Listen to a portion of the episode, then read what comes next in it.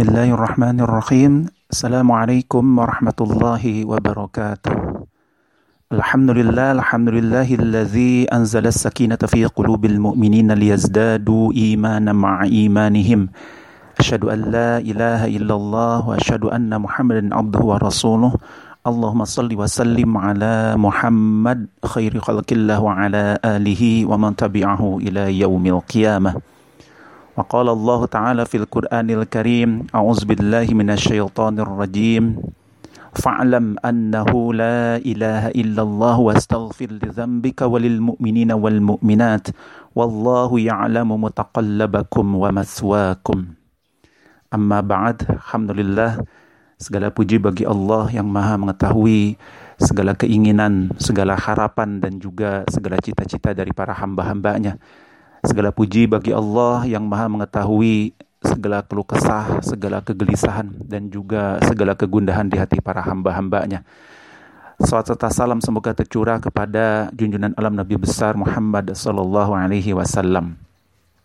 Ikhwati fillah rahimakumullah. Alhamdulillah pada kesempatan kali ini kita bisa dipertemukan kembali di dalam kajian kita di mana pada kali ini kita akan mengambil satu tema tentang ma'rifatullah, bagaimana indahnya mengenal Allah. Ikhwati fillah rahimakumullah. Mungkin ada di kalangan kaum muslimin yang bertanya kepada kita, kenapa pada saat ini kita masih perlu berbicara tentang Allah padahal kita sudah sering mendengar dan menyebut namanya. Dan kita pun sudah tahu bahwa Allah itu Tuhan kita, tidakkah itu sudah cukup? Nah, pemahaman-pemahaman ataupun pertanyaan-pertanyaan seperti itu, itu sesungguhnya harus kita singkirkan. Dikarenakan pemahaman seperti itu, itulah bukan pemahaman yang baik tentang bagaimana sesungguhnya kita mengenal mengenal Allah. Ma'rifatullah itu bukanlah mengenal zat Allah, karena hal itu tidak mungkin kita bisa jangkau oleh akal manusia yang yang terbatas. Tetapi ma'rifatullah menurut Ibnu Qayyim al-Jauziyah sebagaimana didefinisikan oleh ahli ma'rifah itu adalah ma'rifatullah itu adalah ilmu yang membuat seseorang melakukan apa yang menjadi kewajiban bagi dirinya dan konsekuensi pengenalannya. Sehingga kita akan merasa lebih dekat dengan dengan Allah. Jadi ma'rifatullah itu tidak bisa dimaknai dengan arti harfiah semata, namun dimaknai dengan pengenalan terhadap jalan yang bisa mengantarkan manusia itu semakin dekat dengan dengan Allah. Mengenalkan apa rintangan-rintangan dan tantangan-tantangannya yang ada di dalam perjalanannya mendekatkan diri pada pada Allah Subhanahu wa taala. Jelas figur teladan dalam ma'rifatullah ini adalah Rasulullah Shallallahu alaihi wasallam dan dialah sosok yang paling mengenal mengenal Allah. Maka orang yang berikutnya ya seperti yang disampaikan uh, oleh Rasulullah Shallallahu alaihi wasallam ya, sayalah orang yang paling mengenal Allah dan paling takut kepadanya. Nah, tetapi tingkatan berikutnya yang paling mengenal Allah adalah al-ulamaul amilun. Jadi ulama-ulama yang mengamalkan ilmunya. Seperti di dalam Al-Quran, Allah subhanahu wa ta'ala berfirman, Innama yakhshallah min ibadihil ulama. Allah subhanahu wa ta'ala mengatakan, sesungguhnya yang takut pada Allah di antara hamba-hambanya itu hanyalah para para ulama. Nah, ikhwati fillah rahimakumullah. Apa sesungguhnya urgensi kita harus mengenal Allah, ya. Jadi yang harus kita pahami adalah ma'rifatullah ini ini sebagai puncak kesadaran yang akan menentukan perjalanan hidup selanjutnya. Jadi dengan ma'rifatullah manusia ini bisa mengetahui tujuan hidup yang yang sesungguhnya. Dan sebaliknya ketiadaan ataupun kekurangan ya minimnya kita di dalam tingkatan ma'rifatullah akan membuat kita hidup kita ini tanpa tanpa arah dan tujuan yang yang jelas. Bahkan di dalam Al-Qur'an surat Muhammad ayat 12 Allah Subhanahu wa taala mengatakan A'udzubillahi minasyaitonir rajim walladzina kafaru yatamatta'una wa ya'kuluna kama ta'kulul an'amu wan naru maswal lahum. bahwa orang-orang kafir, orang-orang yang mengingkari Allah, orang-orang yang tidak mau mengenal Allah, maka sesungguhnya mereka benar-benar menjalani kehidupan di dunianya sangat menikmati kehidupan di dunia dan mereka beraktivitas berperilaku kal an'am mereka berperilaku seperti seperti binatang. Nauzubillah summa nauzubillah Nah, jadi bisa kita katakan bahwa ma'rifatullah ini adalah sebagai perjalanan ruhiyah ya seorang manusia untuk mencapai sebuah kesempurnaan dari pengenalan kepada kepada Allah Subhanahu Subhanahu wa taala. Bagaimana dengan ma'rifatullah ini manusia akan mengenali kehidupan di luar di luar alam ya, di luar alam materi tentunya seperti kita memahami dan mengenal makhluk-makhluk selain manusia ya yaitu makhluk-makhluk yang goib, yang goib lainnya. Ikhwati fillah rahimakumullah. Jadi di dalam urgensi mengenal Allah, di dalam urgensi ma'rifatullah ini harus berdasarkan kepada dalil nakli ya yaitu dalil-dalil yang berdasarkan dari Al-Qur'an, yang kedua adalah dalil akli, dalil-dalil yang berdasarkan pemikiran ya dari manusia dan yang ketiga harus berdasarkan memang ini fitrahnya seorang manusia memang di sana akan mencari dan ada perasaan ingin tahu untuk mencari sebuah sebuah kebenaran. Ikhwati fillah rahimakumullah. Ya, di dalam Al-Qur'an Allah Subhanahu wa taala sudah mengingatkan kepada kita berkenaan dengan bagaimana akal yang dimiliki oleh manusia ini akan adanya sebuah uh, sunnatullah di dalam ingin mencari sesuatu ya. Ingin memahami sesuatu. Itu kalau kita lihat di dalam surat Ali Imran ya bagaimana eh, orang-orang yang dikatakan sebagai ulul albab itu adalah bagaimana orang-orang yang selalu mencari satu konklusi, satu kesimpulan, satu titik terang di dalam uh, ilmu-ilmu ataupun di dalam satu pertanyaan-pertanyaan di dalam hidupnya. Oleh karena itu di dalam Al-Qur'an Allah Subhanahu wa taala mengatakan karakter orang-orang yang disebut dengan ulul albab itu adalah allazina yadhkurunallaha qiyaman wa qu'udan wa 'ala junubihim wa yatafakkaruna fi khalqis samawati wal ard. Nah, jadi bagaimana orang-orang yang disebut oleh ulul albab di dalam Al-Quran ini adalah orang-orang yang selalu mencari tahu, mencari sebuah konklusi, mencari sebuah kesimpulan dari hal-hal yang memang dia pertanyakan. Oke, itu di dalam Ali Imran ayat tersebut diawali oleh dengan uh, oleh Allah adalah dengan inna fi khalqis samawati wal ard Wakhtilaful laili wan nahar la ayatil liulil albab. Ya, jadi di dalam penciptaan langit dan bumi dan silih bergantinya malam dan siang ya itu ada terdapat tanda-tanda untuk ulul ulul albab. Allazina yadhkuruna Allah qiyaman wa ala junubihim wa yatafakkaruna fi khalqis samawati wal ard. Jadi dia selalu terus mengingat ya bagaimana proses penciptaan ini, bagaimana satu keteraturannya, bagaimana satu uh, apa rotasi, evolusi dan sebagainya fenomena-fenomena yang terjadi di alam mereka uh, fikirkan.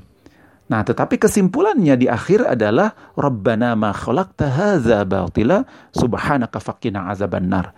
Kesimpulan orang-orang ulul albab yang sudah bisa ma'rifatullah, yang sudah bisa mengenal Allah dengan baik, maka sesungguhnya ending dari pencarian, penelitian, perenungan, ya, perhitungan dan sebagainya, endingnya itu adalah Rabbana ma khalaqta hadza batila subhanaka faqina azabannar.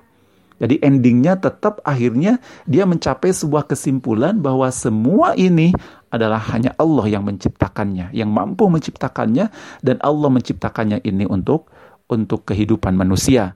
Dan sesungguhnya manusia itu endingnya adalah bagaimana kesuksesan seorang manusia itu diukur dari kesuksesannya dia di dalam bisa menghindari tidak sampai masuk ke dalam ke dalam neraka. Ikhwati fillah rahimakumullah.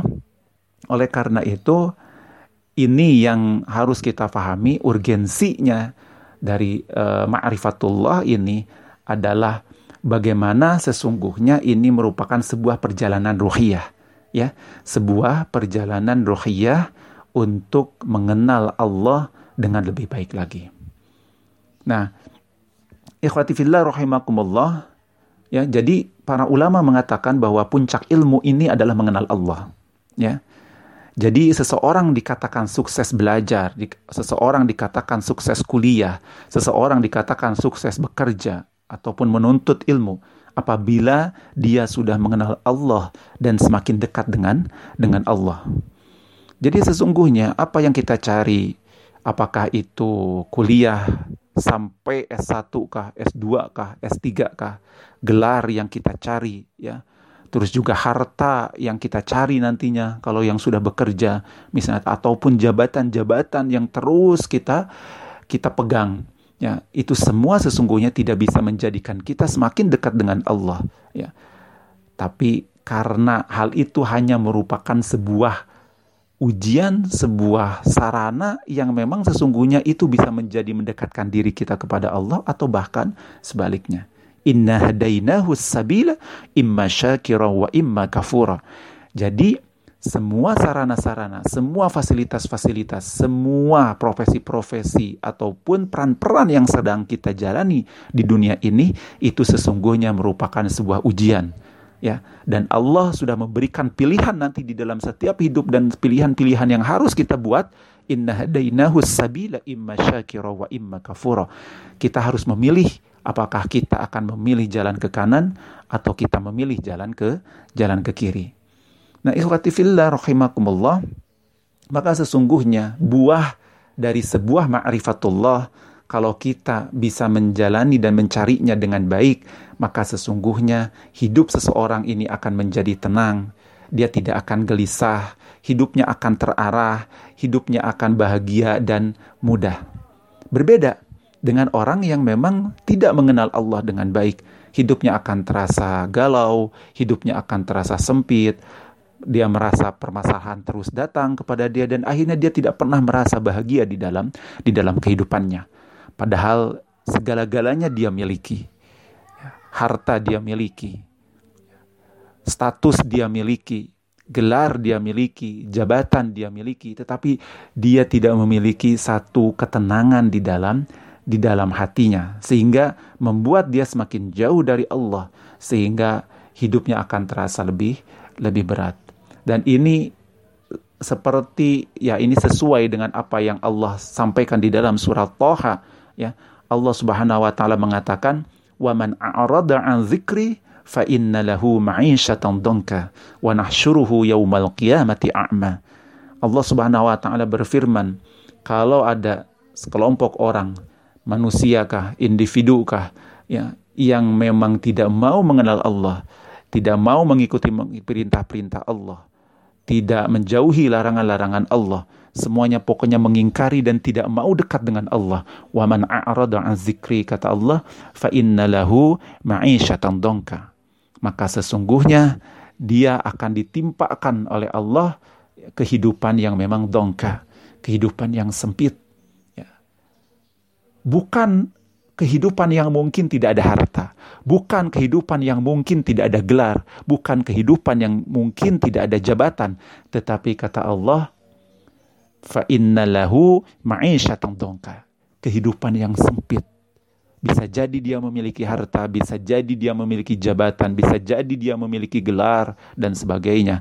Tetapi dia merasa kehidupannya akan terus sempit, sempit dan sehingga dia tidak pernah merasakan kebahagiaan di dalam di dalam kehidupan ini. Nah, ikhwati fillah rahimakumullah. Ya. Terus bagaimana kita melihat ciri-ciri orang yang mengenal Allah? Ciri-ciri orang yang mengenal Allah tentunya ketika kita tahu tadi bahwa bagaimana buah ma'rifatullah itu ya ini merupakan turunan dari buah ma'rifatullah. Nah, tentunya maka ciri yang paling penting di dalam orang-orang yang sudah mengenal Allah dengan baik, maka la khaufun alaihim wa lahum yahzanun. Innal ladzina qalu rabbuna Allah summa istaqamu tatanazzalu alaihimul malaikah alla takhafu wa la tahzanu wa abshiru bil jannati allati kuntum tu'adun. Jadi ada dua kata kunci di sini. Alla takhafu wa la tahzanu. Jadi orang ya ciri-ciri orang yang sudah mengenal Allah, ciri-ciri orang yang sudah mendapatkan ma'rifatullah cirinya hanya dua. Ya Allah takhafu wala tahzanu. Ada dua kata kunci di sini yang Allah sebut di dalam Al-Qur'an yaitu orang-orang yang sudah mengenal Allah dengan baik dan beristiqomah di dalam jalannya.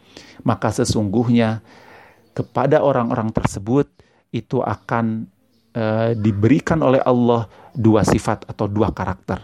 Sifat pertama adalah la khauf ya dia tidak akan pernah merasa takut. Ya dia akan tidak akan pernah merasa takut menghadapi apa pun menghadapi siapa pun menghadapi problema apa pun menghadapi ujian-ujian dan tantangan-tantangan yang dia dapatkan di dalam hidup ini. Jadi dia akan merasa aman, dia akan merasa tenang di dalam kehidupannya karena dia memang tidak pernah merasa takut dengan apa pun dan siapa pun dan takutnya hanya kepada pada Allah Subhanahu wa taala. Dan yang kedua, ya. La hazan. Jadi yang kedua adalah selain dia tidak memiliki rasa takut, dia pun tidak akan merasa bersedih bersedih hati. Artinya apa? Artinya orang-orang yang sudah mengenal Allah akan diberikan, akan dikaruniakan oleh Allah sifat kebahagiaan. Ya, jadi ada dua sifat yang sebetulnya dicari oleh manusia di dalam hidup ini, siapa pun dia. Satu, dia bahagia, betul. Dan yang kedua, dia tenang, aman, merasa aman, tidak takut, tidak khawatir dan sebagainya. Coba kita perhatikan. Ada orang yang merasa bahagia karena banyak harta, jabatannya sudah tinggi, dia memiliki apa pun, tapi ternyata tidak tenang hidupnya. Coba, itu apakah itu sudah lengkap yang dia rasakan? Tidak. Ada orang yang bahagia tapi dia ten tidak tenang, khawatir terus. Atau sebaliknya, ada orang yang tenang-tenang tapi memang dia tidak memiliki apa pun. Dia tidak bahagia, dia tidak punya harta, dia tidak punya gelar, jabatan, status, dan sebagainya. Tenang hidupnya tapi dia tidak memiliki apa-apa, tidak ada ke kebahagiaan di dalam hartanya karena dia tidak memiliki harta, tidak ada kebahagiaan di dalam di dalam jabatannya karena dia memang tidak memiliki jabatan. Dan juga dia tidak memiliki kebahagiaan di dalam pekerjaannya. Kenapa? Karena memang dia tidak memiliki pekerjaan. Oleh karena itu, dua hal yang memang sebetulnya dicari oleh setiap manusia di dunia ini, ini hanya dua, ya, termasuk oleh kita yang kita cari. Apa? Pertama kebahagiaan dan yang kedua adalah ketenangan. Subhanallah, tabarakar rahman. Ya, dua hal ini akan diberikan oleh Allah kepada orang-orang yang bisa dan sudah mengenal mengenal Allah dan bisa beristiqomah di dalam di dalam jalannya. Dan yang berikutnya ya ciri-ciri orang yang mengenal Allah karena dia sudah merasa tidak dia tidak ada yang dia takuti kecuali Allah dan juga dia sudah merasa tenang kehidupannya bahagia di dalam perjalanannya maka orang-orang yang sudah mengenal Allah maka dia akan terjaga kualitas kualitas ibadahnya karena dengan terjaganya kualitas ibadah ini akan banyak memberikan manfaat ya dan keuntungan di dalam di dalam kehidupannya. Jadi hidupnya akan lurus-lurus saja ya, memiliki kekuatan di dalam cobaan-cobaan yang Allah berikan di dalam kehidupannya dan juga Allah akan karuniakan apa pun yang dibutuhkannya. Dan juga bukan hanya itu, tapi mereka yang sudah mengenal Allah artinya mereka akan selalu optimis di dalam menghadapi kehidupan, tidak pernah gusar, tidak pernah pesimis, ya, tidak pernah merasa minder. Dia akan terus optimis di dalam menjalani kehidupannya. Dan juga yang paling penting itu adalah dia akan selalu ya berada dalam bimbingan dan pertolongan dari Al dari Allah karena dia memiliki ruhiyah keimanan yang ku yang kuat. Ikhwati fillah rahimakumullah.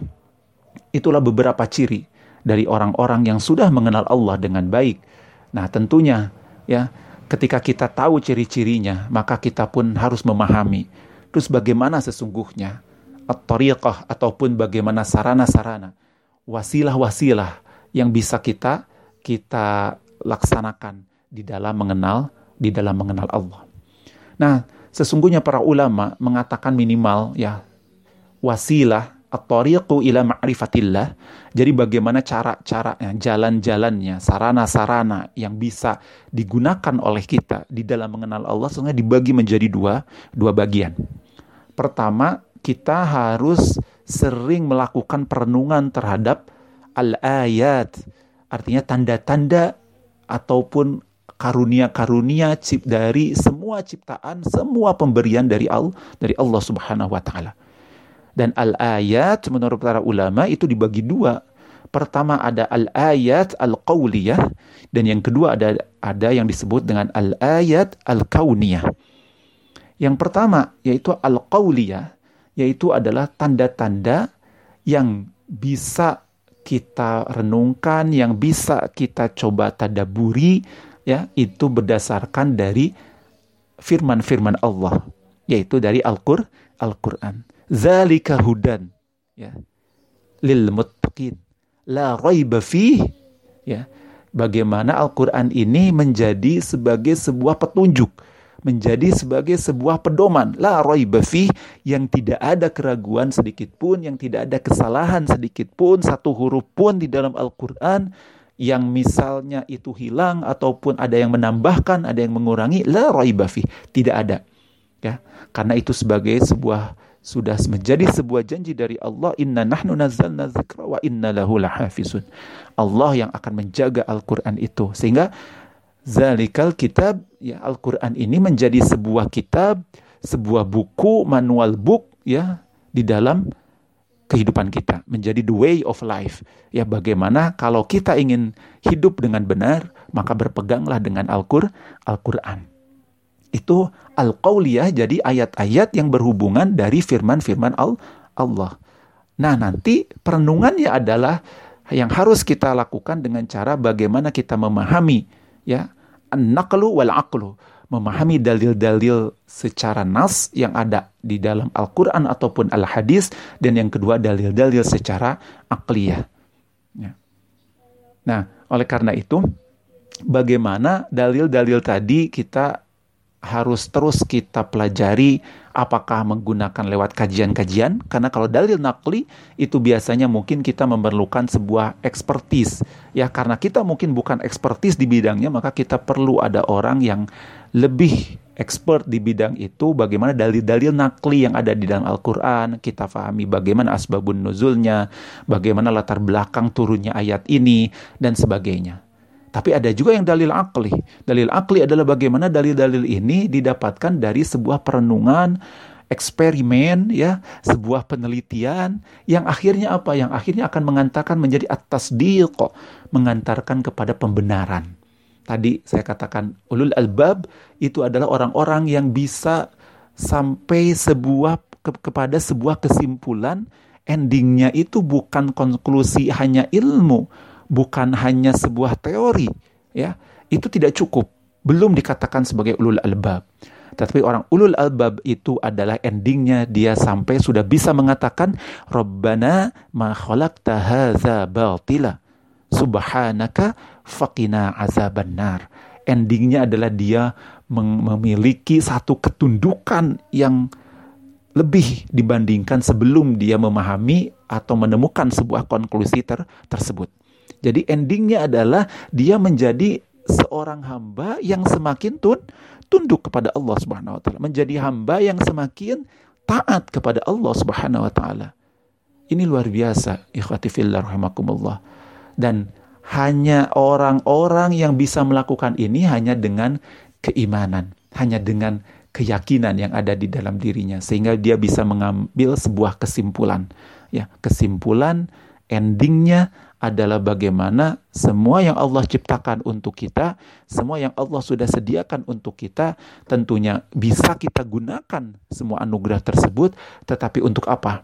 Karena endingnya adalah bagaimana kita bisa dijauhkan oleh Allah, bisa selamat, bukan keselamatan atau kenikmatan di dunia, tetapi jauh dari itu.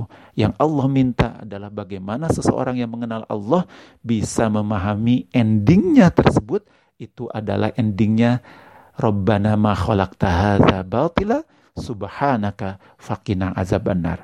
Satu pengakuan terhadap kemahabesaran Allah, pengakuan kepada maha kesempurnaannya Allah, kema, apa, pengakuan terhadap kemahakuasaannya Allah, sambil akhirnya setelah itu dia menjadi hamba-hamba Allah yang semakin taat dan rajin di dalam beribadah. beribadah. Itu ayat-ayat kauliyah. Yang kedua, al-ayat itu adalah al-kauniyah. Ya. Ini melalui proses bagaimana pemahaman kita terhadap alam. Bukan berdasarkan dari teks-teks Al-Quran, tapi berdasarkan dari alam. Ya.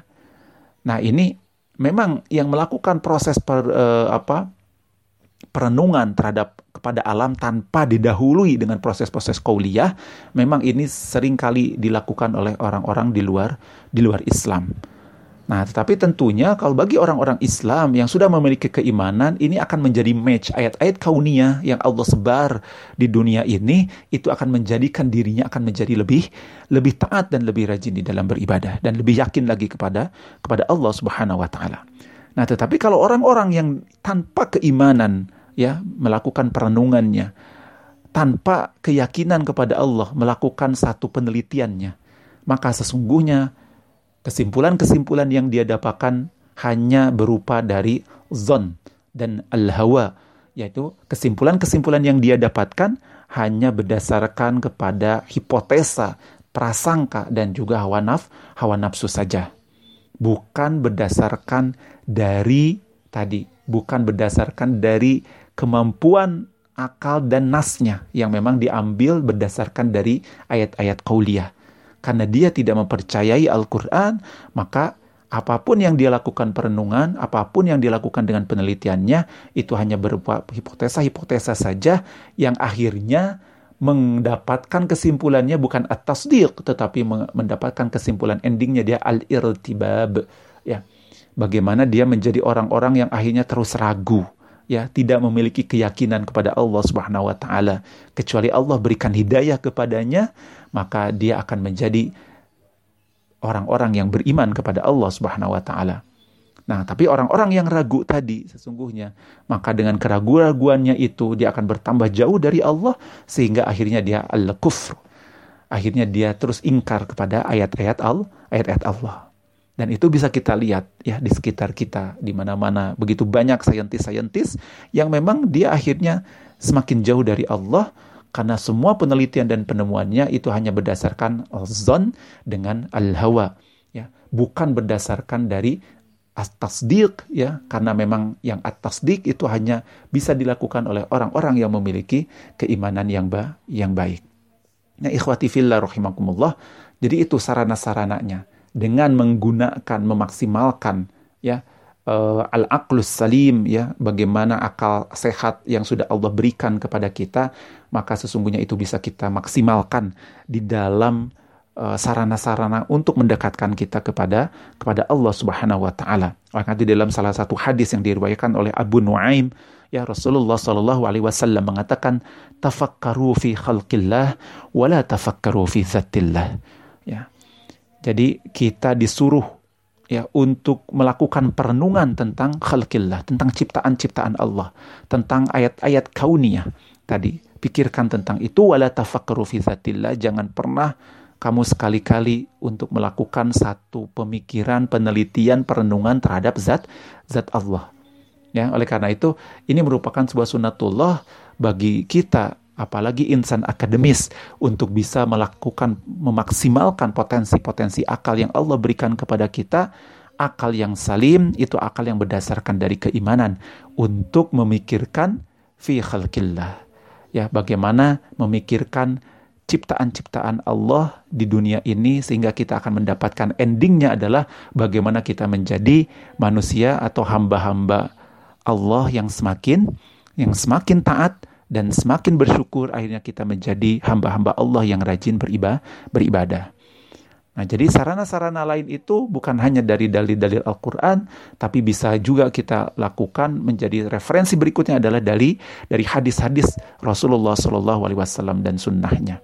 Nah, itu pun bisa kita jadikan sebagai sebuah perenungan, termasuk dari al-asma was sifat termasuk dari nama-nama dan sifat-sifat Allah yang ada itu bisa kita lakukan perenungan. Merenunginya bukan kepada zatnya Allah tetapi merenunginya adalah bagaimana sifat-sifat yang baik yang Allah miliki itu bisa kita refleksikan. Dan kita bisa mengambil pembelajaran, mengambil inspirasi dari sifat-sifat Allah tersebut supaya kita pun minimal memiliki cipratan dari sifat-sifat Allah itu supaya kita bisa menjadikan sifat tersebut menjadi karakter dan sifat kita sehari sehari-hari. Ya. Nah, oleh karena itu, inilah sesungguhnya uh, ma'rifatullah ya. Kita sudah memahami ya urgensinya seperti apa ciri-cirinya seperti apa, sampai termasuk sarana-sarana yang bisa kita lakukan untuk mendapatkan ataupun untuk melaksanakan ma'rifatullah. Nah, tentunya kita pun harus memahami bahwa kalau kita berbicara tentang generasi-generasi yang memiliki ma'rifatullah yang baik setelah Rasulullah SAW itu adalah para para sahabat ya para sahabat Rasulullah Shallallahu Alaihi Wasallam. Jadi bagaimana para sahabat tersebut bisa memberikan inspirasi kepada kita betapa kisah-kisahnya, cerita-cerita di dalam sirah-sirah nabawiyah itu bisa menginspirasi kepada kita bahwa memang mereka generasi-generasi terbaik ya setelah Rasulullah Shallallahu Alaihi Wasallam. Yang saya akan angkat ya pada kesempatan kali ini ini adalah salah satunya adalah kisah Abdullah bin Rawahah radhiyallahu an. Ini adalah seorang sahabat Rasulullah Shallallahu alaihi wasallam yang ketika diangkat oleh Rasulullah Sallallahu alaihi wasallam untuk menduduki sebuah jabatan. Dan jabatannya tidak tanggung-tanggung menjadi panglima ya, panglima di dalam perang perang Mu'tah ya. Jadi ini Abdullah bin Rawahah ditunjuk ya dan diangkat oleh Rasulullah SAW untuk menjadi panglima dalam perang perang Mu'tah. Tapi ternyata ya ketika Abdullah bin Rawahah ditunjuk ya oleh Rasulullah SAW untuk menjadi panglima gelar tertinggi dalam sebuah militer, tapi ternyata Abdullah bin Rawahah menerimanya dengan tangis dan cucuran air mata. Bayangkan, ya orang diberikan gelar, tapi dia menerimanya dengan tangis dan cucuran dan cucuran air mata. Lalu para sahabat lainnya bertanya kepada kepada Abdullah bin Rawahah. Para sahabat lainnya bertanya kepada beliau, "Ma yubkika ya Abdullah?" Ya Sahabat yang lain bertanya, "Apa gerangannya ya yang membuat engkau menangis seperti ini wahai Abdullah?" Maka Abdullah bin Rawahah menjawab, "Wa ma bi dunya wala sababatan bikum."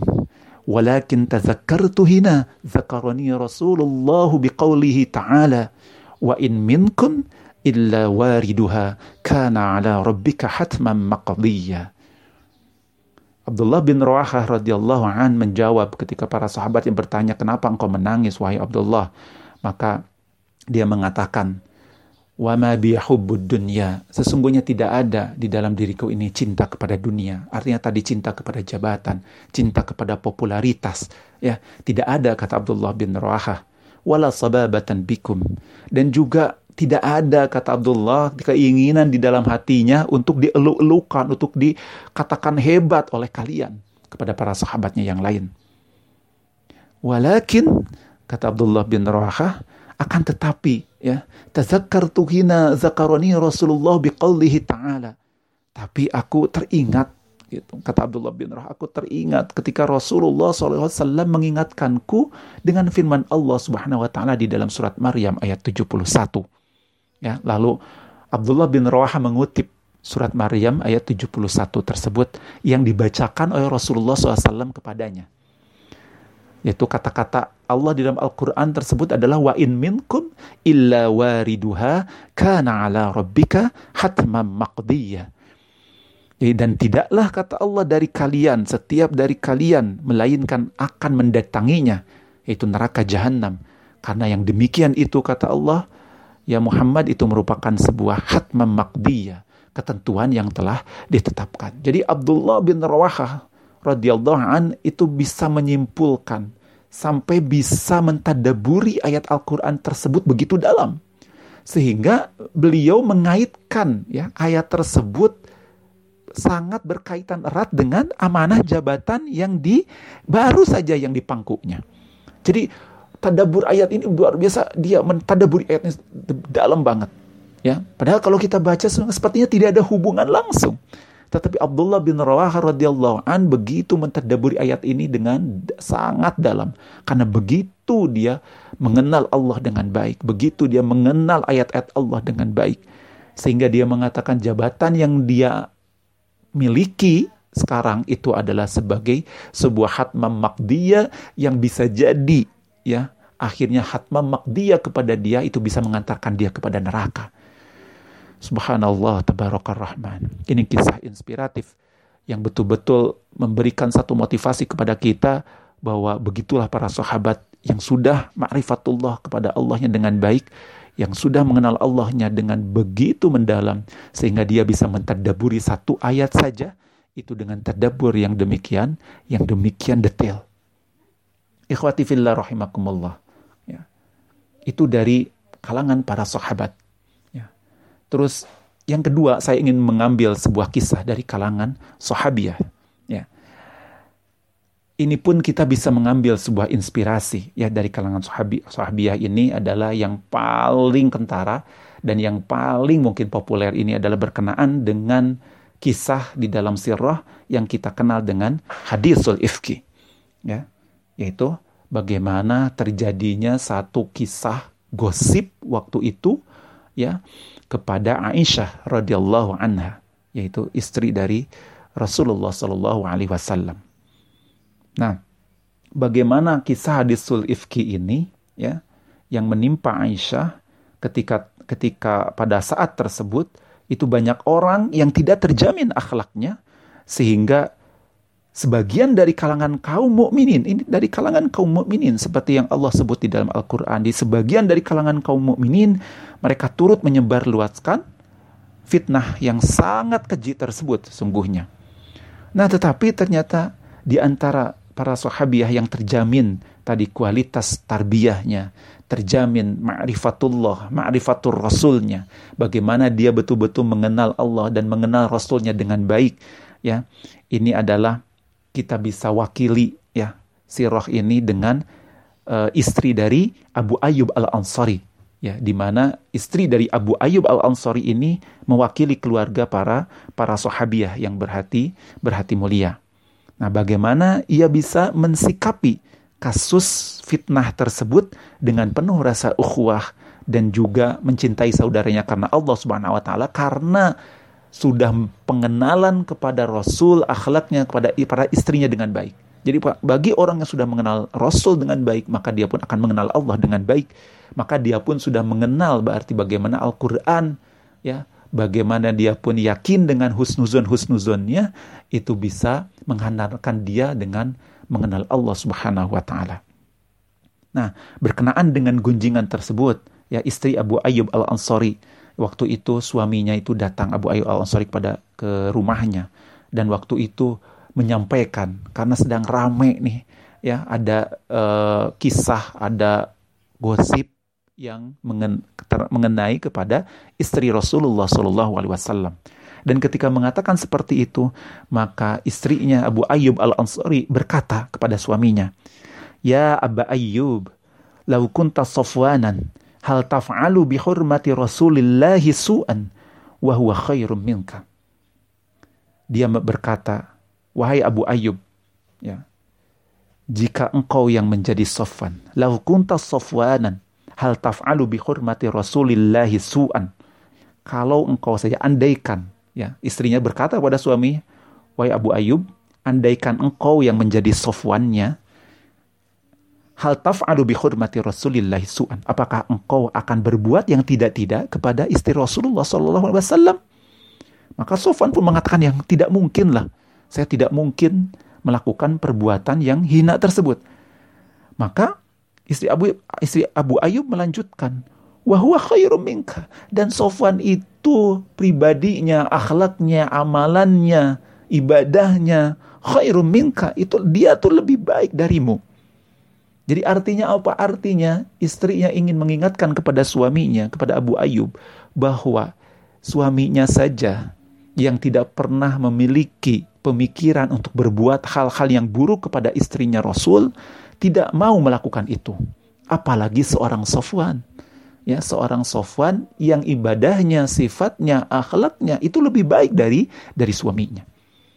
Nah, jadi ini jelek banget ya ini sesuatu bagaimana seorang istri yang solihah, seorang istri yang memang betul-betul ma'rifatullah ke Allahnya luar biasa, sehingga dia mendahulukan husnuzon kepada kepada saudaranya.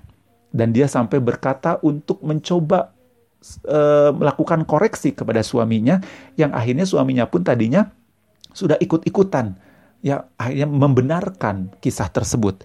Tetapi ketika istrinya mengingatkan seperti itu, dia baru ya nge.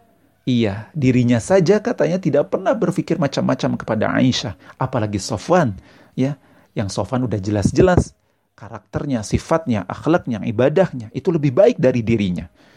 Ya, pasti tidak akan mungkin melakukan itu. Dan juga istrinya Abu Ayyub Al-Ansari dia melanjutkan mengatakan, "Ya Aba Ayyub, ya, wahai suamiku, lau kuntu Aisyah ma khuntu Rasulullahi abadan. Kalau saja saya pun jadi Aisyah, ya, kata istrinya, dia mencoba uh, memberikan pandangan yang seimbang. Kalau saja saya jadi Aisyah, ma khuntu Rasulullahi abadan. Saya tidak akan pernah melakukan pengkhianatan kepada Rasulullah Shallallahu Alaihi Wasallam. Wahia khairum minni dan jelas-jelas Aisyah itu lebih baik dari dari aku. Aku saja tidak pernah berpikir untuk mengkhianati Rasul, apalagi Aisyah yang nyata-nyata akhlaknya, ibadahnya, perilakunya itu lebih baik dari dari dia. Subhanallah tabarakar rahman. Inilah kisah-kisah inspiratif yang luar biasa yang bisa memberikan motivasi dan juga semangat kepada kita ya dengan diwakili dari sahabat dan juga sahabiah dari Rasulullah SAW bagaimana kisah-kisah inspiratif dari mengenal Allah ini itu bisa kita teladani dengan baik sehingga kita bisa menjadikan diri kita, perilaku kita, akhlak kita, kebiasaan kita ini harus mulai sedikit demi sedikit kita perbaiki ya bagaimana sarana-sarana tadi untuk mendekatkan kita kepada Allah, untuk lebih menghantarkan kita lebih mengenal Allah, itu akan menjadikan diri kita menjadi lebih baik lagi. Dan minimal kisah-kisah tadi dari para sahabat dan sahabiah itu bisa kita contoh, itu bisa kita coba amalkan sedikit demi sedikit setahap demi setahap sehingga kita pun akan menjadi pribadi-pribadi, kader-kader yang memiliki akhlakul karimah yang memiliki kebiasaan-kebiasaan yang insya Allah kebiasaan-kebiasaan akhlak-akhlak dan perilaku-perilaku yang kita cerminkan itu merupakan sebuah refleksi dari pengenalan kepada Allah dengan dengan baik. Nah, ikhwatu fillah rahimakumullah. Uh, demikian ya materi tentang indahnya mengenal Allah ya bagaimana kita bisa memahami dari mulai urgensi dari ma'rifatullah sampai kepada kisah-kisah inspiratif dari para sahabat dan juga sahabiah yang bisa memberikan satu motivasi kepada kita sehingga kita bisa meneladaninya dan mencoba mengaplikasikannya di dalam kehidupan kita sehari-hari. Nah, mungkin itu saja materi untuk ma'rifatullah pada kesempatan kali ini. Mudah-mudahan ada manfaatnya dan mohon maaf kalau ada kesalahan. Yakinlah kebenaran yang saya sampaikan itu datangnya dari Allah dan yakinlah kalau ada kesalahan yang saya sampaikan itu datangnya dari diri saya pribadi. Luruskan niat kita, sempurnakan ikhtiar kita, dan tetap bersemangat untuk selalu terus memperbaiki diri kita. Jadikan hari ini harus bisa lebih baik daripada hari kemarin, dan jadikan hari esok harus bisa lebih baik daripada hari ini dan hari kemarin. Jadilah orang-orang sukses, orang-orang yang mengetahui kekurangan dirinya, dan dia berusaha untuk memperbaiki kekurangan-kekurangannya itu. Jangan menjadi orang pengecut, orang yang tidak tahu kekurangan dirinya, dan dia tidak pernah mau tahu apa yang menjadi kekurangan di dalam dirinya, sehingga dia merasa cukup dan cukup dengan apa yang ada di dalam dirinya. Tetap semangat dan tetap masa depan yang lebih baik lagi. Aku qouli haza astaghfirullahalazim li wa lakum nafsi bittaqwallah. Assalamualaikum warahmatullahi wabarakatuh.